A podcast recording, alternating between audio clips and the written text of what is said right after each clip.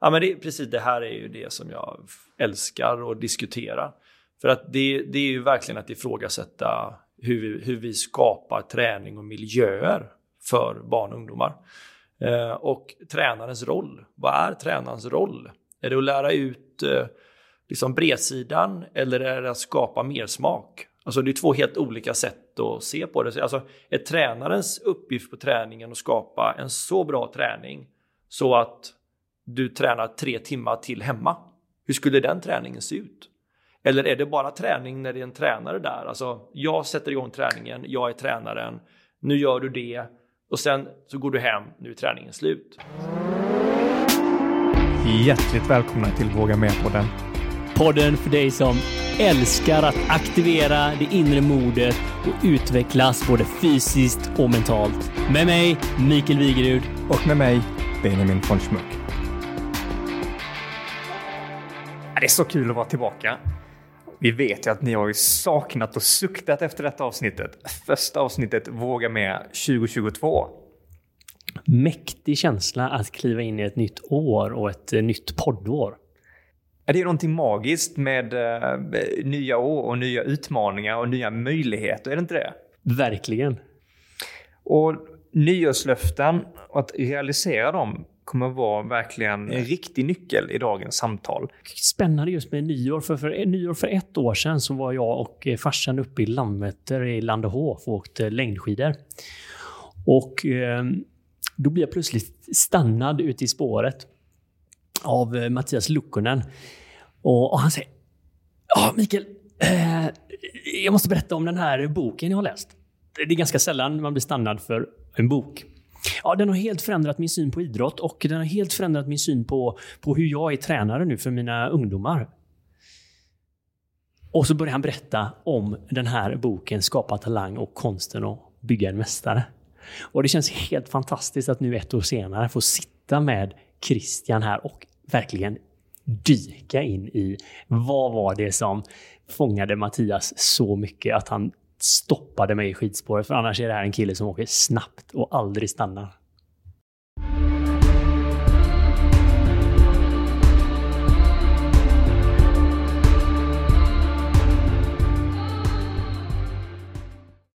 Idag så eh, befinner vi oss eh, mitt i centrala Göteborg och på Ullevi Tennisklubb med en eh, pionjär inom talang.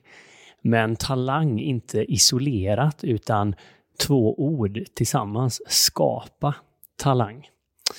Eh, han är en mångfaciliterad man, författare, föreläsare, tränare, klubbchef. Och eh, vi ser med stor spänning fram emot att få höra mer kring det här intressanta ämnet. Och den här intressanta personen, Christian Persson. Varmt välkommen! Tack så mycket. Det var snällt. ja, tack, kul att vara här.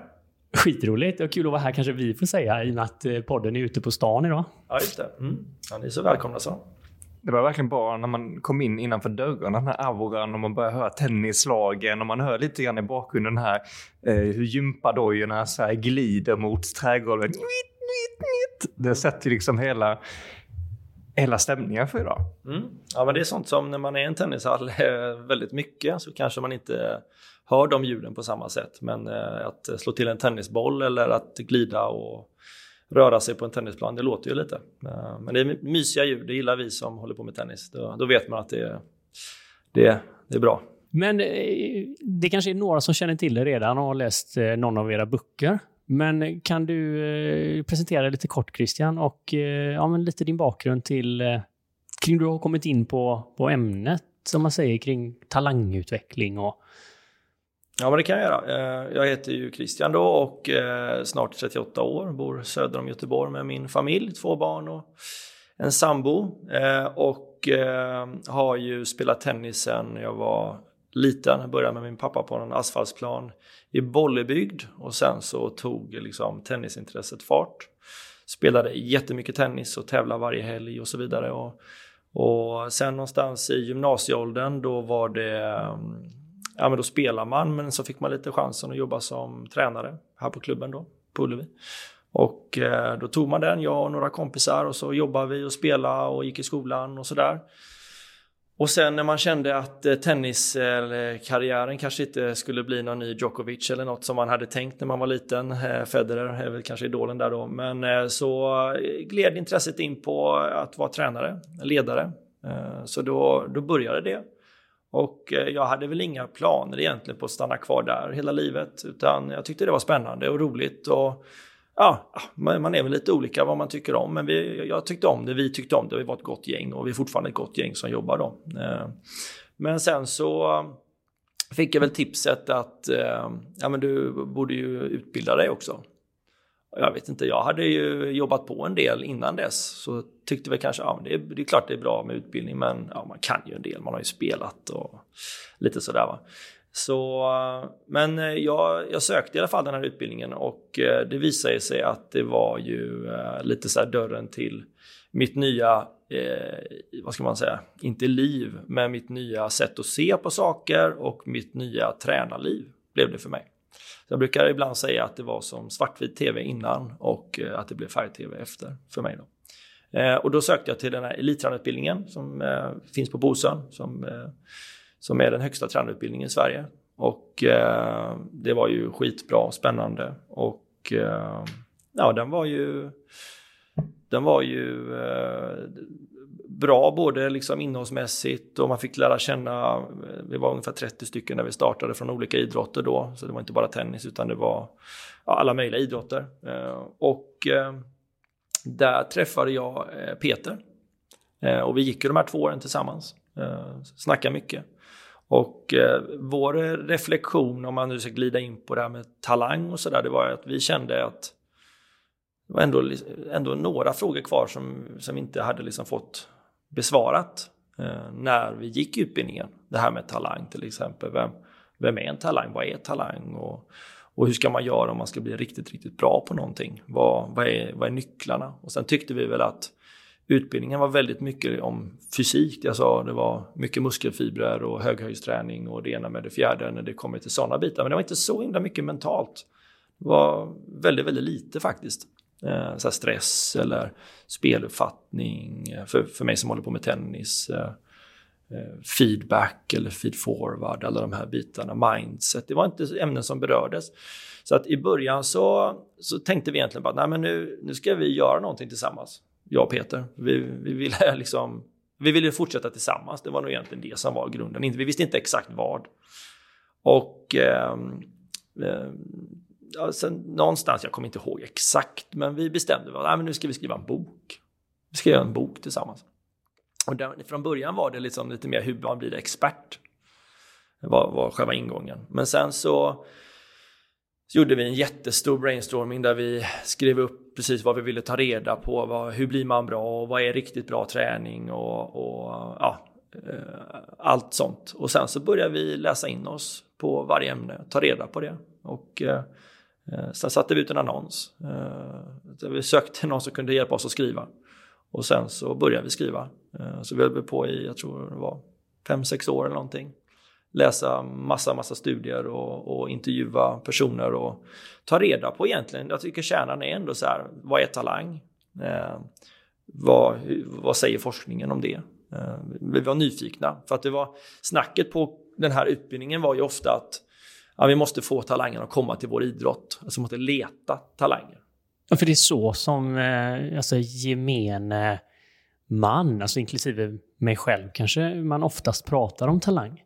Som att det är något som finns där ute eller finns någonstans. Eller man har det eller man inte har det. Ja men precis. Och för en klubb då blir det väl jätteintressant för att det är väl egentligen det, ett ekonomiskt intresse att kamma in de här talangerna. Mm. Tar man fotboll till exempel, det är där man tjänar pengar. Men nu är vi här för att skapa talang. Mm. Ja, nej men precis. Alltså, och, och, det var väl egentligen, eh, det var väl egentligen också en fråga som vi ville få svar på. Ska man leta talanger eller ska man skapa dem? Alltså, ja. vad, eh, ska man eh, lägga allt krut som många gör på att försöka liksom talangscouter? Eller ska man utbilda världens bästa tränare som skapar talanger? Och då måste man också veta lite grann vad är en talang och vad säger forskningen om det? Och Alltså det var egentligen det, var det som var startskottet till böcker och föreläsningar och utbildningar och egentligen mitt eh, helt nya sätt att se på det. För jag, jag höll också på med talangselektering. Det är skit liksom lätt om man säger, inte lätt men men det, det, är ju det vanliga verktyget man har. Man tittar på två, tre, fyra, fem stycken och säger man du har det, du har det inte, du har det, du har det inte. så, så, va? Och, så, och så tittar man ju ofta på barn eh, som är unga och, eh, och, och, ja, man vet ju inte vad de har gjort och sådär utan man tar ju bara liksom en ögonblicksbild av, av vad, vad de är. Och man vet ju inte hur det kommer bli om de fortsätter. Har de drivkraften att fortsätta så långt som det krävs? Puberteten. Vad sa du nu? Puberteten. Ja, exakt. Nej, men det är så himla intressant och som du säger hur man ser på andra men också hur man ser på sig själv. Ja. Och det är det jag tycker är så himla motiverande när man sätter ihop orden skapa och talang och man hör ditt resonemang kring varför ni börjar titta på detta. Det är ju på något sätt också att om jag tittar på andra individer inte som att de på något sätt har något i sitt DNA Eh, som du säger, om man tittar på barn då framförallt, för det är ju extremt intressant med barn, ungdomar och idrotten. Jag vet att det är ett ämne som ligger dig extremt varmt om hjärtat ja, att, att verka där. Men, men också då hur man tänker sig, om jag tittar så på andra, hur tittar jag då på mig själv också? För det är ju mycket så, har jag talang i det här eller har jag inte talang? Eh, och det är ett ganska fixt mindset. Men det känns som att du liksom krakulerar det här fixt och säger att ah, men det där kanske inte riktigt stämmer. Mm. Ja, men för egen del har jag ju, jag har ju applicerat det här på mig själv. Sen är det svårt att vara sin egen tränare i alla lägen. Men precis som du säger så har det blivit så. Men hur ser jag på mig själv egentligen? Alltså, ja, jag, bolltalang har alla sagt att jag, liksom, det, det är min grej.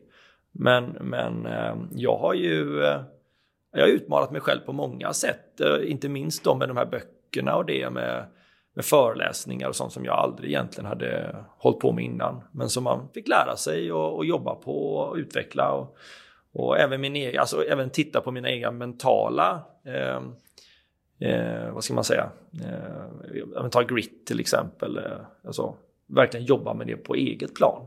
Eh, och känna också, fungerar eller fungerar det inte? Eh, med stress till exempel. Ja, men också någonting som man kan applicera på sig själv och och använda de här verktygen och sätta upp mål. Och, ja, ja, men, ja, precis.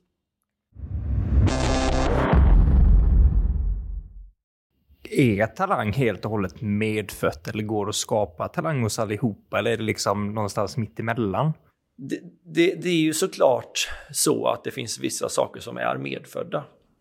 Uh, det, det, du är olika lång och du har, du, har, alltså, du, du har en uppsättning som är olika. Eh, olika muskelfibrer, du passar för olika saker. Eh, och sen formas du ju extremt, det är ju med miljö och arv som är hela diskussionen.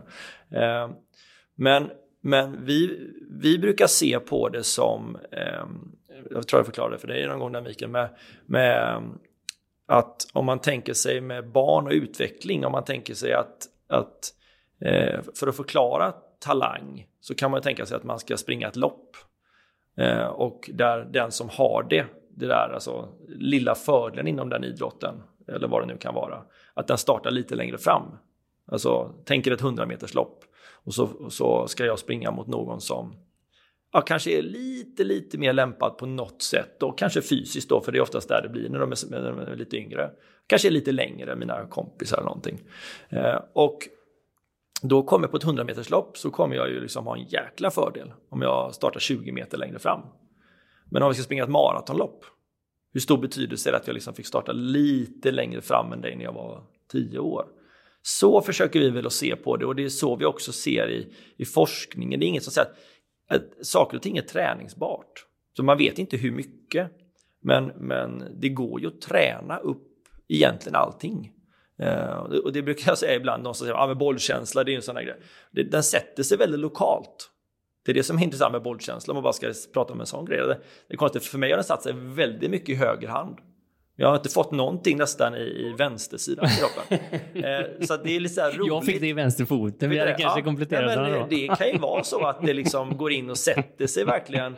Det märkliga är att det har blivit en sån slump att jag har ju lekt så mycket med min högerhand och bollar. Ja. Så att det finns ju en korrelation där. Men men jag har ju knappt sparkat till en boll med vänstern och det känns ju inte som att jag känner en boll med vänstern. Så man kan ju säga, ja Christian, du, det fick man ju alltid höra på släktkalas. Ja, du är som bolltalang och så. Ja, men jag har blivit det inom det som jag har så du pekar mot något här, det kanske inte kommer modersmjölken, din eh, duktiga högerhand, när det kommer till runda bollar? Nej, ja, vi, vi, vi tror ju såklart att det, eh, det är inte helt oviktigt. Och det beror också, alltså, det beror också vilken nivå pratar vi. Pratar vi olympisk mästare?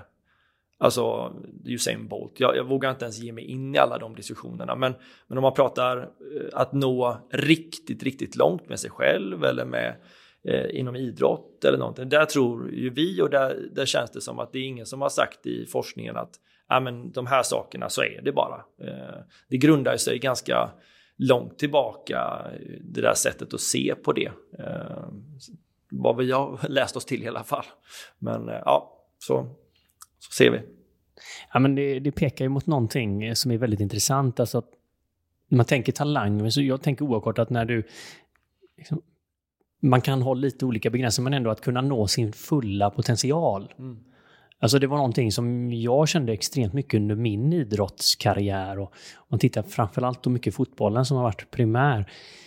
Att jag inte liksom fick ut den potentialen som jag kände fanns inom mig. Mm. Det var jävligt frustrerande. Mm. Och framförallt då i match och när det väl gällde så kunde jag även i ung ålder se att jag var sämre än vad jag egentligen var. Och det hade jag aldrig några verktyg egentligen, eller kanske riktigt någon träning att fixa. Så man förblir en ja, outnyttjad potential. Mm. Och det tror jag jäkligt många barn och ungdomar fortfarande idag där ute. Man är bättre. Och det finns mycket mer, om man säger fysiska potentialer tillgängliga man får ut. Vad tror du det är som håller tillbaka eller saknas för att kunna realisera den eh, potentialen, Mikael? Jag tror mycket av det som ni är inne på Christian i boken. Alltså det, jag kommer ihåg när du sa det första gången, du pratade om fyra ben på en stol va? Ja men precis, det är ju ett sätt att se det. Nej, men att man tänker sig, eh, ja du tänker på mentalt, fysiskt, tekniskt, taktiskt. Och att man ser varje del där som, en, eh, som ett ben på en stol. Och att det måste finnas en bra balans om, om, om stolen ska kunna stå på ett, på ett bra sätt. Det är, det är ju ett sätt som vi brukar använda när vi förklarar för barn och ungdomar att det måste finnas en balans mellan vad du kan taktiskt och tekniskt och fysiskt och mentalt. Då. Um, och hur ser en sån balans ut då, lite typiskt? Nej, men, det finns ju så mycket man kan prata om här, men man kan ju prata om, om tidig specialisering.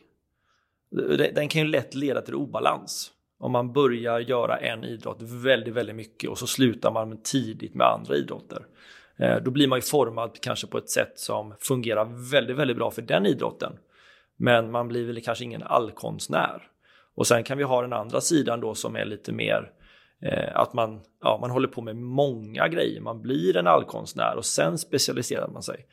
Och, och eh, det är väl det som ofta lyfts fram är ju de här personerna som har, vi har ju med Tiger Woods i boken som ett exempel, att man kunde liksom gå 72 eh, hål eh, golf på, jag kommer inte ihåg vad det var exakt, men liksom så här makalöst bra när man var under 10 år.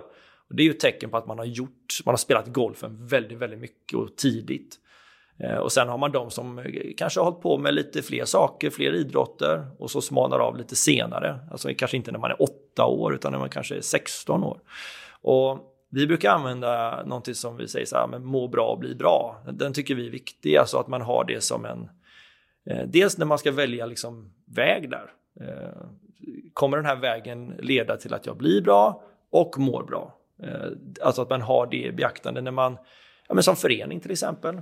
Eh, att man har ett sätt, ja, men selekterar man tidigt så kommer man ju få många som kanske mår dåligt på grund av det. Eh, men... Eh, ja, att man kan titta på det här från, från både det stora perspektivet förening och också individen. Ja, alltså att man kan basera ja. val då, som du säger egentligen på, kommer jag må bra av detta? Då kan jag också bli bra. Ja, ja det leder igen. Ja, det, må bra handlar ju om livet. Ja. Det handlar inte bara om den här korta perioden du idrottar. Utan det handlar ju om, eh, ja men du, du, många växer ju upp med mycket idrott om man pratar elitidrott för unga. Så 12, 13, 14, 15, 16 det är väldigt intensivt och sen så ja, vad, vad, vad, får man ut av det i, i, långa loppet? Man vill ju helst att det ska vara ett livslångt idrottande när man pratar den stora idrotten i Sverige eller vad det kan vara. Va? Det, är, det är inte så många som blir proffs och kan försörja sig på det. Så att, det är väl ur ett föreningsperspektiv att att jag tycker man bör ställa sig den frågan, vad, vad är det vi håller på med och vad leder det till det här? Leder det till liksom att några få blir bra eller leder det till att många kommer att fortsätta länge med sin idrott, bli tränare och hela den biten? Det är väl en rätt fin eh, alltså balans man som förening bör hitta där med att bli bra, må bra både som förening men också individ. Och sen så ser det då utifrån de här fyra benen på stolen. Mm. Um, och se att man använder rätt taktiker för det. Jag, jag kommer ihåg nu i, när jag var, spelade fotboll, väldigt, väldigt kort karriär kan man ju säga. Jag var med på fyra träningar och jag hatade den här eh, ja, men ut, eh, alltså när man valde ut personer inför liksom eh, bara vanliga träningstillfällen och så var det liksom en sån här peklek lite grann. Eh, och född i november var alltid två huvuden kortare än alla andra.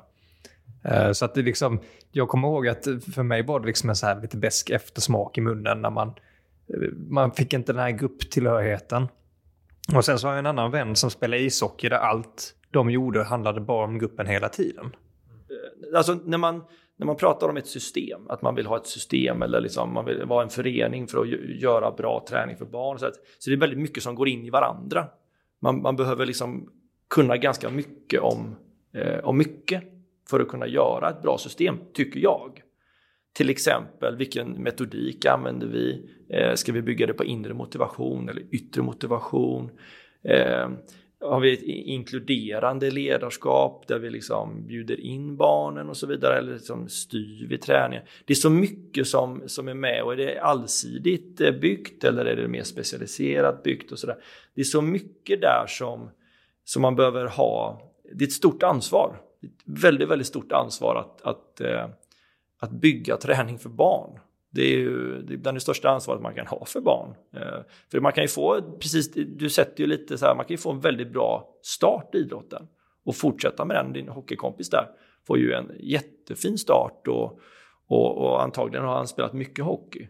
Eh, han flyttade till USA och körde. Och sen ja. kom han tillbaka när han pajade knäna. Ja, men det är ju en annan. Ja, det är en annan. Men, och, och du spelade fyra träningar där sa du. Så det, det är ju... Jag, jag, tycker att, eh, jag tycker att det är det, det är därför vi tycker att det är så viktiga ämnen. För att det kan göra så extremt stor skillnad. Och det, det, kan ju vara då gilla idrott eller inte, men det kan också handla om att faktiskt ge folk, lite grann som du pratade om Mikael, där med ge folk chansen eller inte. För att jag, jag, det jag satt och tänkte på när du pratade förut, det var ju det här med om man eh, det här med som vi började titta på med Anders Eriksson som har gått bort nu, men han var ju forskare med 10 000 timmar. Det är oftast det man brukar prata om med talanger, men bara det gör 10 000 timmar. Deliberate practice, alltså väldigt specifik träning på dina svagheter. Och ja, ni kallar detta deliberate practice, alltså det ja, fokuserar på uh, grenspecifik träning. Detaljnivå. På liksom. detaljnivå. Ja. Så börjar man, alltså eh, håller man på med det och tänker att det är min modell för det, så, så, um, eh, så, kommer det bli på ett sätt. Anders Eriksson, han, han, eh, han sa ju själv eh, för mig att nej men det, det var inte tänkt liksom att 10 000 timmar, det var inte det jag ville liksom få ut. Utan jag ville få ut att det krävs väldigt, väldigt specifik träning. Alltså medveten träning på de grejerna som ska liksom eh, bli bra. Det var men 10 000 timmar fick ju fäste över hela världen. Ja, det är ju helt galet. Det är ju det folk kommer ihåg. Men, men, eh, men det var inte det som var själva huvudbudskapet? Nej, det var hur de hade tränat. De har tränat väldigt, väldigt eh, målinriktat och medvetet med en expert. Hur skulle eh, detta vara om vi tar ett exempel? Vi kan ta tennis som är det. Alltså, är det att träna för... Eh, alltså... Ja, det är ju att eh, du väljer ut en grej som du ska slipa på. Eh, det är som att slipa lite på en mutter på en cykel. Liksom. Att du, ja, men vi säger nu, om vi tar tennis, alla kanske inte kan tennis, men vi väljer serven till exempel. Då finns det olika typer av servar och man väljer kanske ut en detalj och highlightar den och tar hjälp av en expert och videofilmar. Och, alltså om man tänker av den totala kompetensen så jobbar man på en väldigt liten del. På mikrodel? Ja, men lite så. Va?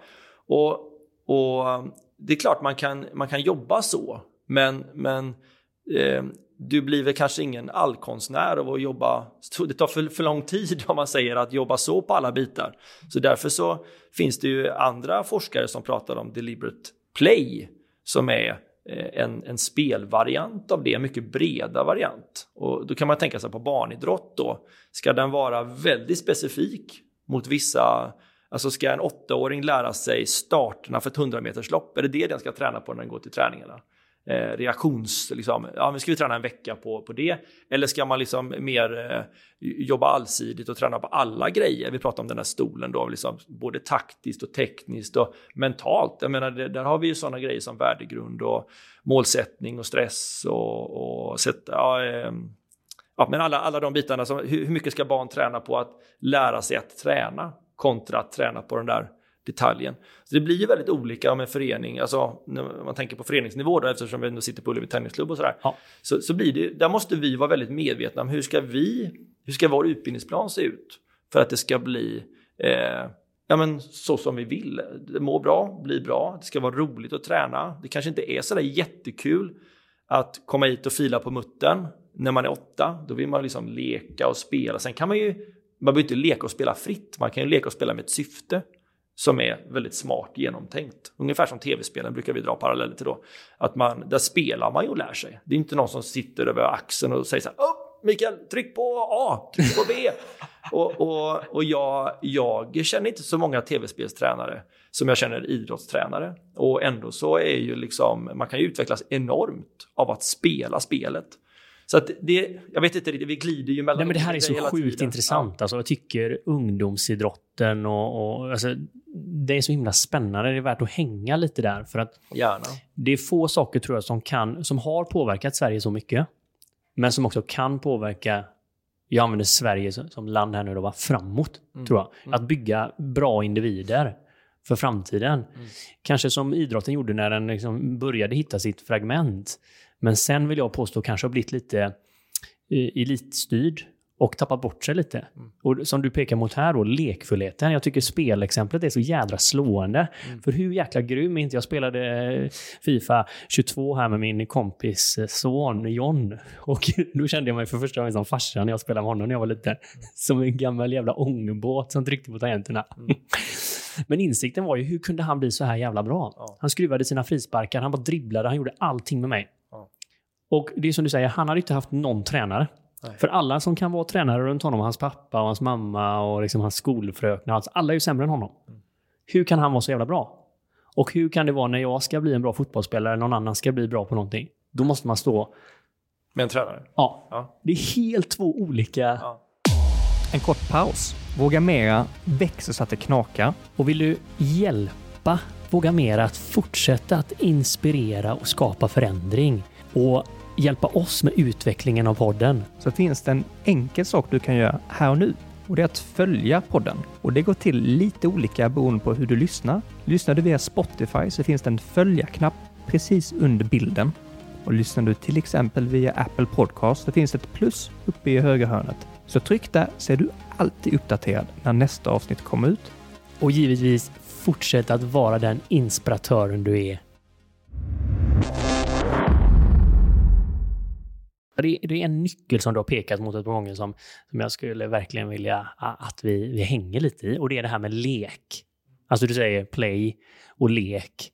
Och du berättar de här exemplen om, om träning och idrott som känns banbrytande för mig. Just hur man kan, hur man är så fast i idéer om att måndag och torsdag så tränar jag fotboll 7 till 18 och så. Men så säger du så här, man kan leka fotboll. Och det får mig att tänka på när farsan berättade hur de blev fotbollsspelare. Han spelade med Glenn Hysén och de ute på ängen på Hisingen. De lekte fotboll. Och sen någonstans har det gått ett par decennier däremellan och nu finns det knappt det. Du kan inte hitta barn som leker fotboll längre. Men i, i, i din liksom, forskning och det ni tar fram så är leken en nyckel för att bli bra. Ja, alltså säger man lek så tänker folk hink och spade. Så man kanske ska, jag vet inte vad man ska, ibland gillar jag att använda ord som folk redan använder fast klä dem på lite annat sätt om man säger. Eh, jag gillar till exempel inte någon tennistränare som säger rör på fötterna. Eh, men man, om någon gärna vill höra den kommentaren så kan man ju använda det fast kanske klä in det med något annat då. Men, men så, så lek, men om vi säger spel då? Om vi, säger, vi kallar det för spel istället, tv-spel eller man spelar fotboll, man spelar tennis och så vidare. Då. Eh, så för mig är det ungefär samma sak. Men, men det, det som är lite slående det är ju att frågar man, alltså ett vanligt, om man säger citationstecken, ledarskap, det är ju att tränaren bestämmer. Och då har man ett träningsprogram och eh, ja, det kan ju vara bra eller dåligt, men man kör ju det då. Ja, vi börjar med uppvärmning och så kommer det och så kommer det och så sista kvarten så frågar man sig, ja, vad vill ni göra då? Ja, vi vill spela.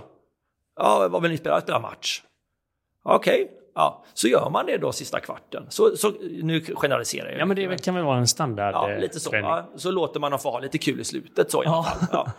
Eh, och, och, så blir det så här kanske som för dig med fyra träningar. Man tyckte inte det var så kul och, och sådär. Men om man ser är träning, alltså tränarens uppgift att skapa den här lekfulla miljön där man spelar och lär sig genom spelet. Man kan ju träna på att slå en bredsida till exempel. Nu, nu blir det ofta att man fastnar i fotboll, till exempel, men det är så många som håller på med fotboll. Jo, men alla har ju nästan eh, varit i kontakt ja, med den på ett ja. eller annat sätt. Nej, men det är klart, man kan ju isolera det åt lite deliberate practice-hållet. Nu är det ju väldigt få tränare som kör deliberate practice på riktigt, utan man kör någon eh, eh, mer isolerad variant av en bredsida. Men det är ju ingen expertfeedback och det är ju liksom ingen, alltså det är inte, det är inte på riktigt deliberate practice, men det är kanske ett försök åt det i alla fall.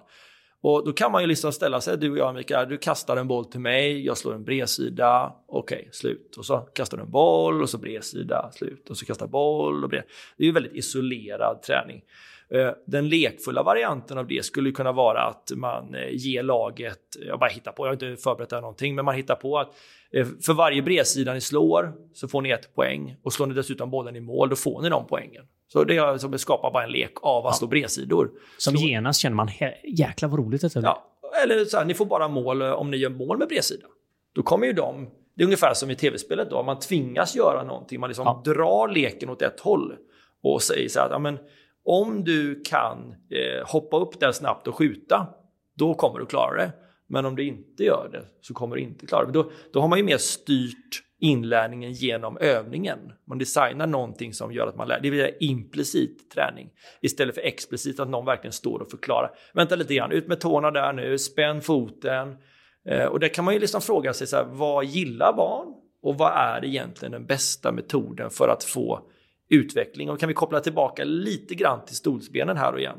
Om jag ibland har tappat eh, tråden lite så kan man säga om man nu spelar ett spel, vi spelar en match där vi highlightar bredsidan och säger att det finns något system där som gör att du får lite mer poäng eller du får bara poäng på något, eh, på något sätt. Om man spelar det i ett spel, då kommer du få med dig lite av taktik, du kommer få med dig lite av fysik, du kommer få med dig lite av mentalt och så lite mindre bredsidor kanske. Det kan du lösa genom att gå ner i antal och spela 3 mot 3 istället för 11 mot 11 så får du fler bolltouchar och hela den biten. Så du kan ju eh, medvetet göra om träningen så att det blir mer bredsidor. Eh, ja, ni är med på själva det va? Ja. Om jag istället då skulle välja, så här, jag väljer den andra metoden som är lite mer isolerad. Hur ser stolspel, alltså om man bara så här, hur blir, hur blir, om jag gör den här träningen hundra gånger eller tusen gånger, hur blir mina stolsben då? Eh, jag kanske inte älskar jämförelsen med stolsben, men om jag ändå ska använda den, så, så hur blir min träning om jag kör de här? Hur bred blir min kompetens? Eh, och i vilken ålder gör jag, i vilken, i, vilken, eh, i vilken del av min karriär vill jag liksom smalna av och bygga den kompetensen? Eh, Kontra om jag istället då jobbar på alla stolsben så jag får ett ganska bra förhållande. Och då får man ju, dels får du ju, eh, om du jobbar brett när du är liten, vissa säger att du måste börja tidigt och så. Men, ja, men jag är åtta år och lägger sex månader på en bra bredsida. Ja. Då har du bara ett ben på den stolen sen. ja. Jävla svårt att balansera. Men grejen är, det blir svårt att balansera, men sen blir det också svårt att byta idrott. För att det är inte så många idrotter du slår bredsidor. Så att när du, den dagen du tröttnar på fotbollen. Får börja spela pingis med fötterna. ja, precis. Ja, men, ni men som en människa, liksom, kan jag applicera den bredsidan i mitt yrkesliv? Alltså, jag har blivit ja, en bättre ja. individ. Det, och det kan man väl fråga, så här, hur stor del av, ska idrotten förbereda dig för det och skola? Och så här, jag vågar inte ge mig in i det. Men, men, det, är, men det, det, det, det, är ganska intressant. Jag har tänkt på en grej här, just det här med, jag tycker det är en jättebra liknelse med tv-spel och eh, ja, men, sport och, och, sport i form av att man leker. Jag kommer ihåg, vi spelar jättemycket fotboll på rasterna alltid. Eh, i, i grundskolan. Det var, liksom, det var det man gjorde. Tio minuter rast, bara fotboll. Man hade liksom knappt gjort lag innan man skulle in igen. Va? Eh, och då, och då tänk, jag tänker på det här med, eh, inte för att hoppa tillbaka för långt, men jag tänker på, på rädsla. Jag tänker på rädsla just när man är i en, i en sån här ålder där det kan vara ganska stor skillnad fysiskt på barn.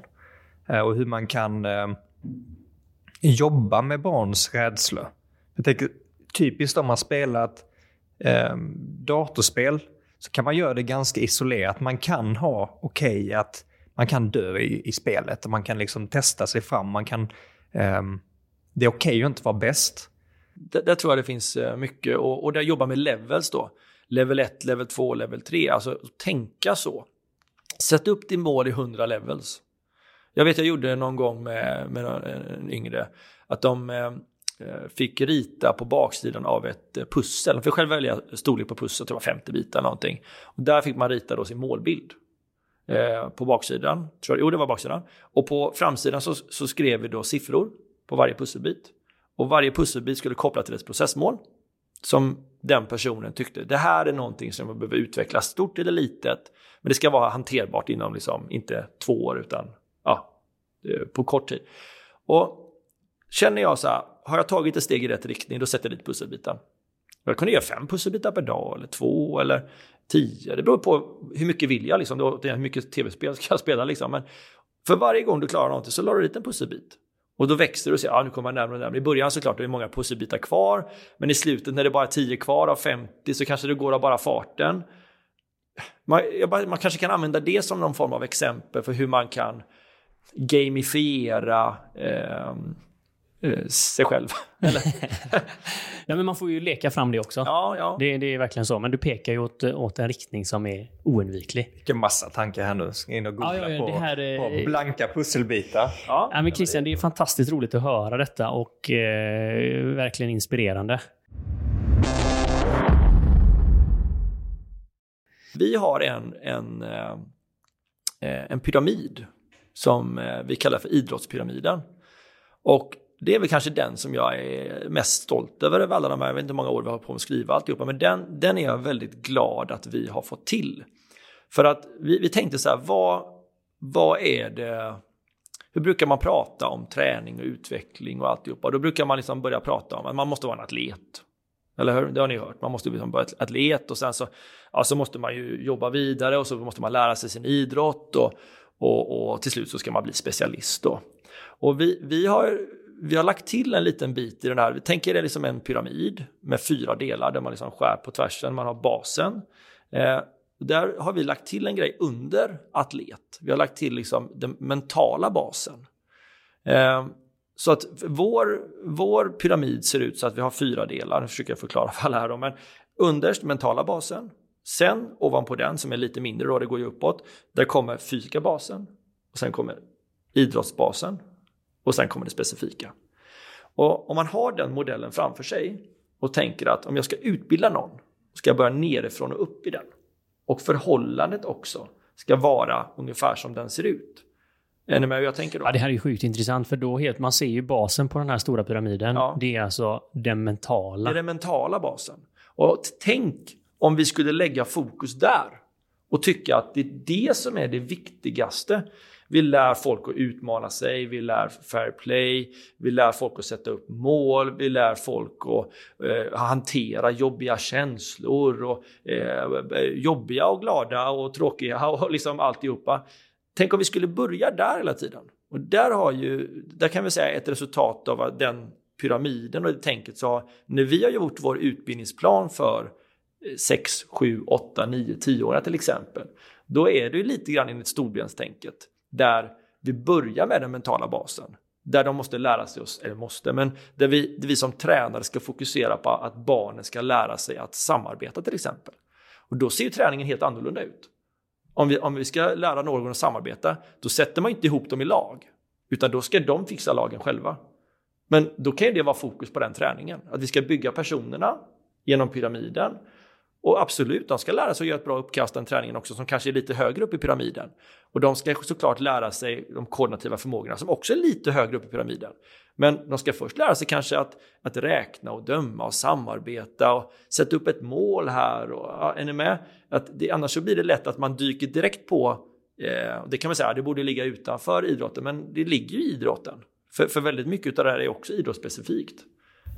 Det blir jättekonstigt om inte alla har samma bas eller man ska ja. dra igång en ny grupp och så kanske tre stycken har fått det här från sina föräldrar men resten inte. Och sen så förväntar man sig att det är fair game lite grann. Att nu kommer det här gå jättebra och sen så är det någon som börjar slåss.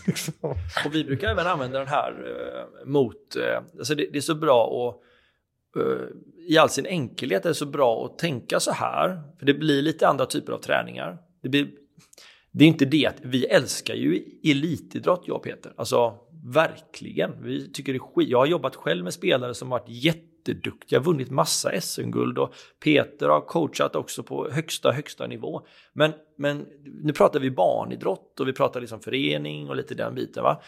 Eh, och då kan man säga att träningen blir helt annorlunda om man har fokus på att man ska jobba med en pyramid. Där den största delen faktiskt är den mentala och fysiska basen. Och väldigt lite handlar om, eh, ja, i, i tennisen då, kanske den där kickserven eller eh, den där specifika forehanden som är, då, då blir det ju automatiskt lite mindre av deliberate practice. Det innebär inte att man måste ha det alls, men blir ju mer åt deliberate play-hållet.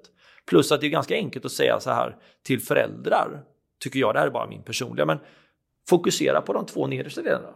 Hjälp ditt barn med mentala basen och den fysiska basen. Var aktiva på fritiden. Prata om förebilder inom idrotten. Hur är man en bra lagkompis? Hur, hur hanterar man en förlust? Hur kommer man igen? Hur lär man sig att kämpa? Lär era barn att kämpa med det här med grit och hela den biten.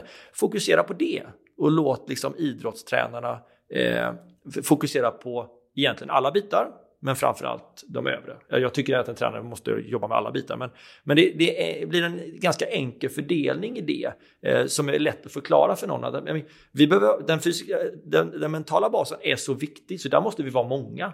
Och där är familjen också otroligt viktigt med, med, ja, med hur man hanterar eh, allt ifrån känslor till problem eller misstag för den delen. Är ja. det okej okay att göra misstag? Ja, men det är klart det är okej. Okay. Så att den är något jag är väldigt stolt över att vi har gjort. Eh, så den, eh, den gillar jag. Ja, men den är grym för att eh, den går ju att applicera egentligen på, på vad som helst. Men, men om man tittar på idrotten nu så skulle jag om man kliver in med det mindsetet, alltså på något sätt så sätter du en helt annan uppgift. Mm. Den påminner mig lite grann första gången jag hörde Kent Hultqvist. Det, det, känns som några tränare som när jag tittar på dem nu så har de kanske gjort det här omedvetet. Och Kent han sa ju, han jobbar ju med bandylandslaget och har ju verkligen jobbat mycket med mjuka värden och han pratar om ungdomsidrott och pratar om, men huvuduppgiften är att ha så många som håller på så länge som möjligt. Mm. Ja, ja, absolut. Inget ja. annat. Nej, men om man, om man tänker sig så här, vad, vad är... De flesta slutar ju med idrotten. Det, hörde vi ju där. Ja, tio och ett halvt. Ja, det är en vanlig dropout-ålder. Jag vet inte om, om det stämmer exakt. Nej, nej, men vi i alla fall... 2021, eh, men det var så inte i alla fall för ett par år sedan. 35. Nej, nej, nej, utan det är ju extremt tidigt. Men vad skulle hända om vi skulle skifta fokus? För, för du sa det ju själv där förut där Mikael, med att föräldrar har ju svårt att få sina barn att sluta spela tv-spel. Men de väljer ju självmant att sluta med idrott. Nu säger jag inte att all idrott är dålig. Nej, men många gånger är det väl så att föräldrarna pushar, men eh, kom igång nu med något, åk till fotbollen igen. Nu vet jag inte om dina föräldrar gjorde det i detta fallet Benjamin, men man hade ju kunnat tänka sig att någon ändå tyckte att du skulle hålla på med fotboll för att det är bra. Kan du inte göra en femte träning, en sjätte, en sjunde? Mm. Ja, det är nog det är vanligt i alla fall. Ja. Men, men vad skulle hända om vi, om vi liksom fokuserar på, på det här sättet istället? Att man fokuserar på att idrotten är en plats som ska skapa eh, en kropp som gör att det är roligt att röra på sig. Jag menar, eh, det är ju ändå någonstans, om man har en kropp som fungerar bra, då tycker man det är roligt att röra sig. Och, hur, och vad är en kropp som fungerar bra? Den är ju allsidig. Så att det är, inte min, jag... det är inte min fotbollskropp i alla fall kan jag säga efter 30 år. nej, nej. nej. Inte min kropp helt heller. Men, nej, eh, men det här är så jädra intressant för att det gör ju ett helt nytt perspektiv. Och de är inte, man har många gånger trott kanske att de här är motsättningar. Att, att om man bygger den här bredden så tar man bort nischen. Men så säger du ju helt tvärtom. Mm. Det här är värt att fokusera på både de mentala bitarna och den breda rörelseförmågan, fungerande kropp, ett fungerande psyke. Det är det som också gör att man blir bra i spetsen på en triangel, vilket då kan vara utövandet på en specifik gren i en sport. Men kanske också i, i livet, i jobbet. Ja, ja, det här går ju att applicera egentligen på vad som är. Bara byta ut eh, de översta bitarna i pyramiden så har du, eh, ja. menar, jobbar du med civilingenjör men du har ett team så kommer ju ändå mentala basen vara sjukt viktigt för teamet också. Eh, vad är en bra liksom, medarbetare? Hur, vad är en bra kollega? Genom att bara beröra de grejerna och jobba med dem så får du ett bättre team. Ja. Eh, De flesta jobbar ju direkt liksom på spetsen. Ehm, så att, ja, nej men, eh, och sen har man ju, vi, kom, vi var inne lite på det förut där med Anders Eriksson och Deliberate Practice och 10 000 timmar och, och det, varför tittade han på det? Han, han var ju nyfiken på bland annat här, leveling off. Vad är det som gör att man liksom stannar av i utvecklingen? Ni kan tänka utvecklingskurvan, Power Law Practice. Den, liksom, den är brant i början och sen så ju längre man kommer desto mer planar den ut och till slut ser det ut nästan som att man utvecklas ingenting. Va? Så det här betyder egentligen att man börjar med något nytt så lär man sig sjukt mycket i början. Ja, ja, och sen blir det svårare och svårare att bli Ja. bättre. Och där är ju, när jag har utveckling, jag när jag har, men liksom, ja, det, det, det här är ju vår filosofi, sen får ju andra, man får ju ha vilken filosofi man vill, men, men jag, jag tycker det är viktigt att lära barn och ungdomar hur det fungerar med utveckling. Det är ju det som är grunden i ett utvecklingssamtal. Och det är, alltså, det är också mentala basen, alltså lära någon hur kan man påverka sin egen utveckling. För att om du har kört fast i något så kommer motivationen tryta lite snart. Alltså, ah, jag blir lite bättre, jag kör ju på här fyra timmar i veckan, det blir lite bättre. Så här. Men om man kan hjälpa folk att skifta fokus och kanske jobba lite på sina styrkor, men också lite på sina svagheter. Eller saker som man helt enkelt inte har jobbat så mycket på. Då får man ju en helt andra utvecklingskurvor. Och hur känns det, alla de som har spelat padel i Sverige här nu? Jag menar, första två åren här, allt är nytt. Banan är nytt, räknesättet är nytt, bara att spela padel är nytt, formationerna är nya. Rack, alltså allt är nytt. Och motivationen sprudlade ju i Ja, ja, hela... alltså jag har inte sett så många av mina polare som har fått så mycket livsgnista Nej. som eh, de här två åren. Det är ju helt sinnessjukt. Ingen drog tror jag någon har tagit som har haft samma upplevelse som padeldrogen. Jag skulle vilja säga då att, att där har hela padel-Sverige befunnit sig i den där eh, första delen av utvecklingen.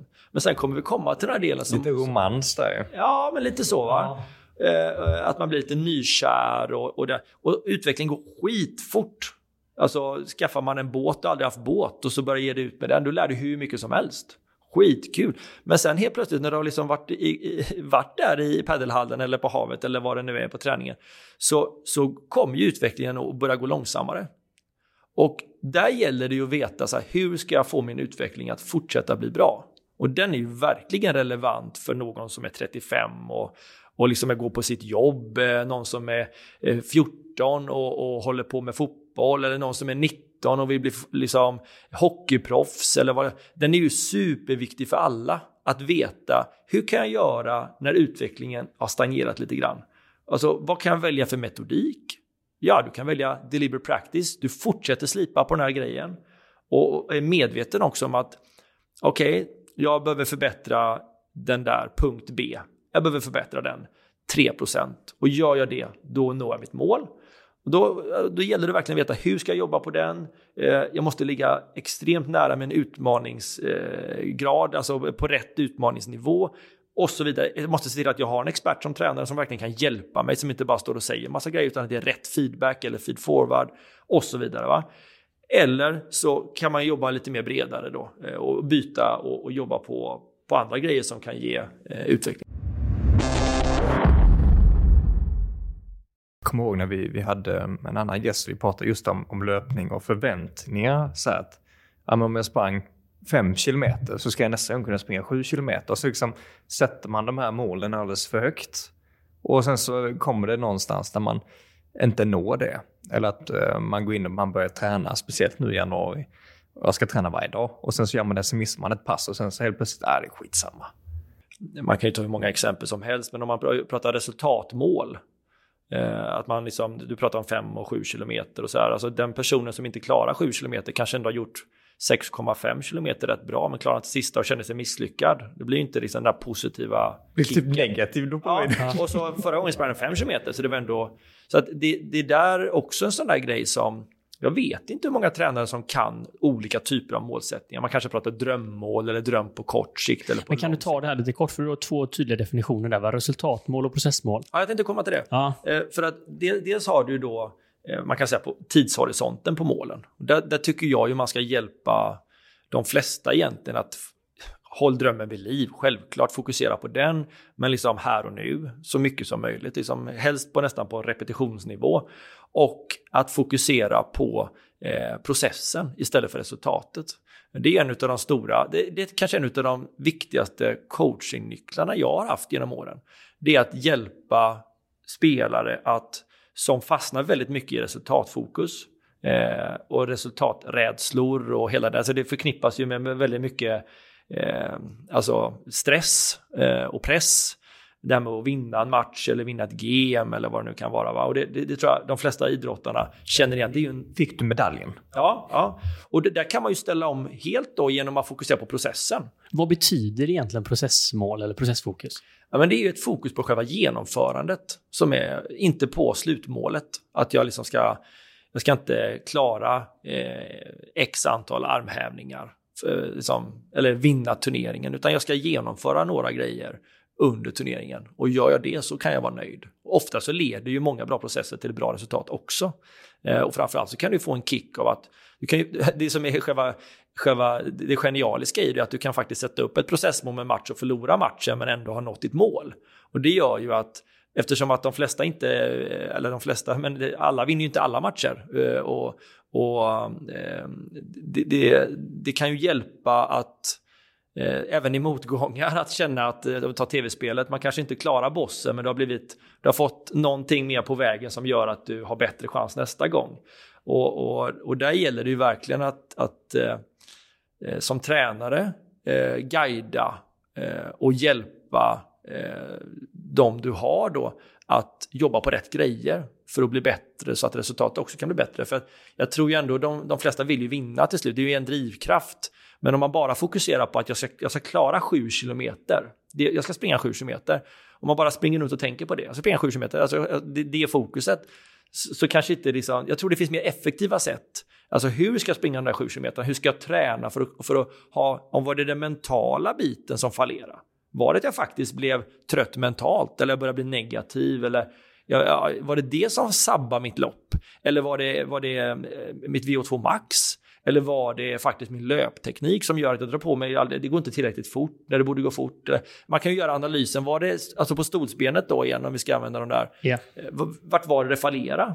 Eh, och, och, verkligen jobba på det och sätta upp mål för att ja, men nästa gång så ska jag springa upp för den här backen med bättre hållning. Det kan ju vara ett fokus på processen eller jag ska jobba med andningen på ett visst sätt. Det har inte direkt med resultatet, men det kan leda till ett bättre resultat.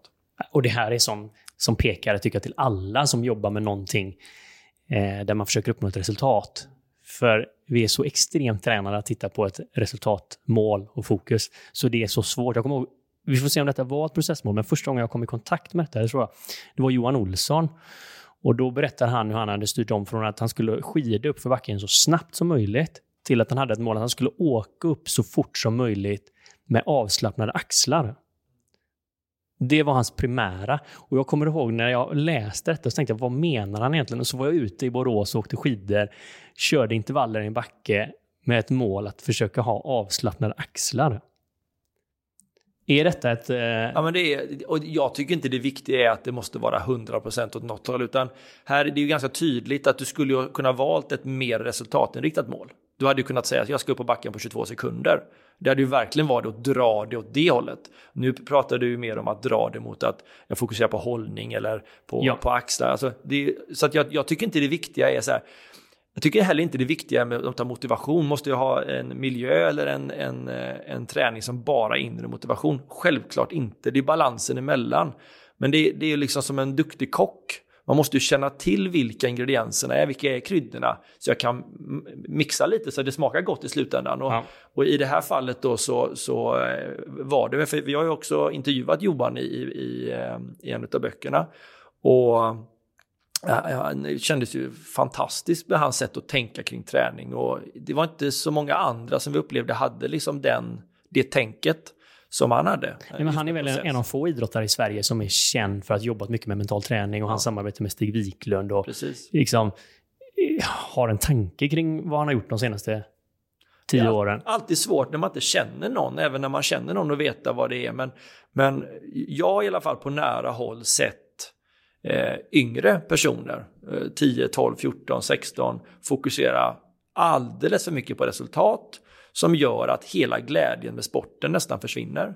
Men jag har också sett sådana som har lyckats skifta det trots föräldrar och Instagram och tränare och uttagningar som bygger på resultat mycket, som varit liksom det strålkastaren varit mot sitt som har lyckats byta det mot process och som har en otrolig glädje av det och som har utvecklats otroligt mycket eh, under lång tid.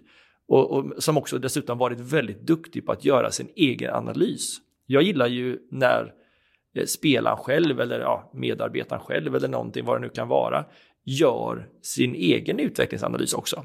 Det är att man liksom, säger, ah, men jag, det här behöver jag. Så kan man, man kan ju vara överens om det eller inte, men att man liksom tänker själv kring sin egen utveckling. Eh, det ingår ju lite i processen också. Att man liksom, okej okay, jag vill bli så där bra, jag vill gå till kvartsfinal. Vad är det som kommer få mig dit? Och där är ju, ja, jag tror, eh, jag tror många, jag menar alla säljare som håller på med det, jag ska inte ge mig in i alla möjliga grejer, men om man jobbar som säljare så är ju det väldigt resultatbaserat. I plånboken så får du ju en bonus antagligen då för att du har sålt bra eller lite mindre om du har sålt eh, dåligt då. Jag är ganska övertygad att om den personen istället skulle fokusera väldigt mycket på vad ska jag göra idag för att få den jag vill ska köpa det här? Vad ska jag få den för att tycka att det känns riktigt bra? Eller vad, hur ska jag se ut? Hur ska jag prata? Eh, vilken liksom, presentationsteknik ska jag ha? Eh, vad ska jag lägga fram? Vad passar den här personen? Det är ju mer fokus på processen. Jag tror ju att de bästa är väldigt duktiga på detta. Eh, att liksom fokusera på Eh, jag kan bara kolla inom, inom tennisen där vi har Federer och Nadal och så vidare. De, de pratar nästan aldrig om resultat. Det kan ju vara, man vet ju sagt inte för man känner någon, men jag, jag, tror Nadal har sagt någon gång sådär att han har ju vunnit allt hur många som helst. Och, ja, men jag har varit bra, jag har varit världsetta både när jag var bra och var dålig. Liksom. För honom är det viktiga att han känner sig själv bra, inte att han är världsetta utan att han utvecklas hela tiden. Och det, det tror jag kännetecknar en mästare. Och det är ju mindsetet eh, mycket. Och det är fokuset på, på processen, på utvecklingen. Och det är ju det som är kul. Om, om vi ska skicka med någon tankenyckel till lyssnarna som avrundning, så tänker jag om, om man skulle få en litet nyckel till respektive roll här. Jag är förälder. Jag är ungdom spelar och jag är tränare. Vad, vad, vad kan man få för tankenyckel? Det var ingen lätt det, var, det kändes att det gått hyfsat bra här idag. Eh, du får inte komma undan för enkelt heller. Eh, jag hade nog sagt till föräldern är nog enklast. Eh, för där tycker jag att föräldrar tar över barnens idrott för mycket. Det tycker jag är det generella problemet. Och då tycker jag det är viktigt att man förstår inre motivation. Så då tycker jag man borde läsa på om det. Så att man förstår hur är yttre motivation uppbyggt? Piska, morot, hela den biten. Hur är de olika typerna av inre motivation uppbyggt? Eh, med självbild eller liksom, ja, helt enkelt lära sig det. Och bli ganska duktig på att förstå det och, och, och göra det så att säga. Ja, så där har föräldrarna fått eh, lite hemläxa. Ja, jag, jag, tycker den är, det finns jättemånga saker, men då skulle man förstå så här att ett exempel då är ju att om man förstår att eh, med autonomi, om man förstår det, då förstår man att idrotten behöver vara barnet. Då, då förstår man att man inte kan trampa in och ta över idrotten för tidigt eller utan att det är okej. Okay. Det, det, är klart det är okej okay att ha sin pappa som tränare om du verkligen tycker att det är okej. Okay. Men de flesta tycker ju inte att det är okej. Utan de vill spela tv-spelet själva, de vill låsa in sig på rummet och spela. Eller man vill spela utan att vuxna lägger sig i och sådär. Och kanske ens föräldrar då. Så att eh, det är nog rådet för föräldrarna. Lär dig inre motivationens tre nycklar. Eh, och inte bara liksom samhörighet utan vad är, hur, hur kan jag liksom använda det till min fördel? Ja. Grymt. Bra. Eh, ungdomen Eh, oj, oj, oj, den, den är inte lätt. Den är, den är skitsvår. Eh, jag hade nog... Eh, det, det, finns ju så många olika. Jag tycker det är lättare att säga vad det finns för typer av föräldrar än vad det finns för typer av ungdomar. Men då är ett, ett problem är att man tappar motivation vid att man håller på med idrott men tappar 15-16 gymnasieåldern. Så jag, jag vet inte om jag vågar ge mig in på det, men jag, jag tror att många åtminstone skulle eh, grotta ner sig i den mentala basen lite grann där, förstå det.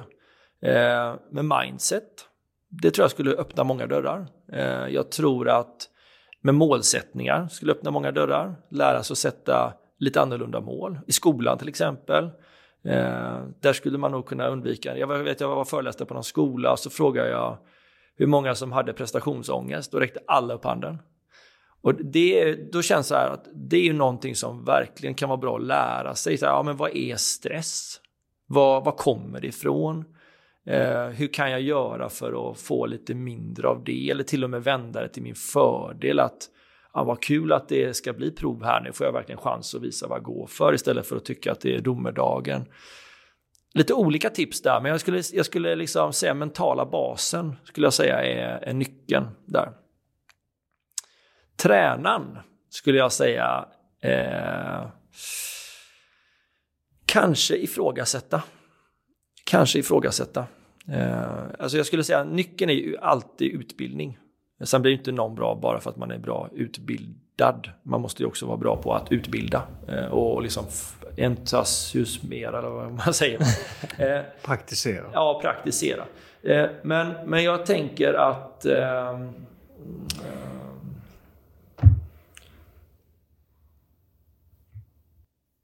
Ja, den är jättesvår.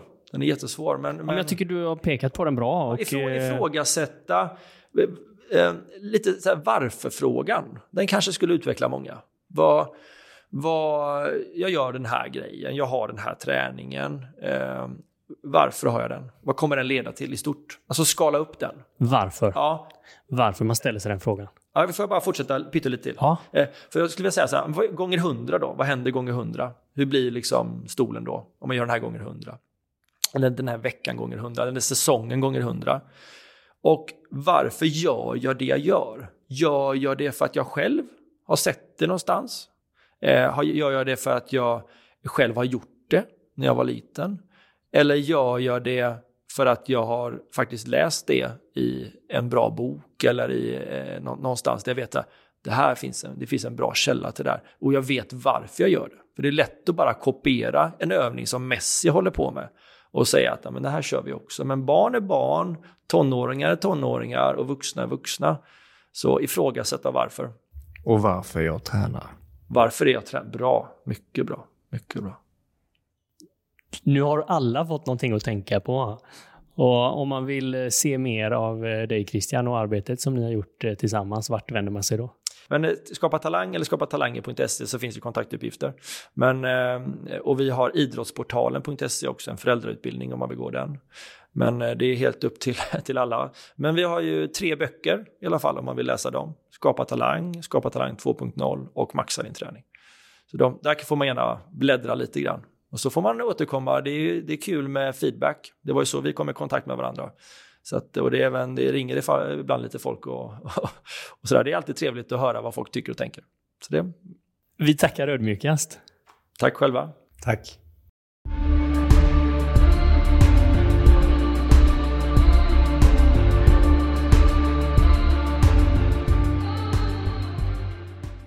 Du har precis lyssnat på Våga Mer-podden. Med mig, Benjamin. Och med mig, Mikael. Vill du höra mer av oss så måste ni ju såklart prenumerera på podden. Och det gör ni genom att ni klickar i den här klockikonen där poddar finns. Det brukar vara som en, en liten, liten, liten ikon. Så se till att ni hittar den så är ni med nästa avsnitt och nästa igen och nästa igen och nästa igen och ni är alltid uppdaterade. Och är det en sak som vi verkligen tycker om i Våga Mera-podden så är det ju att vi tillsammans engagerar oss. Så in på våra sociala kanaler, kommentera, dela och inspirera varandra. Ha en magisk vecka till nästa gång så syns vi snart igen.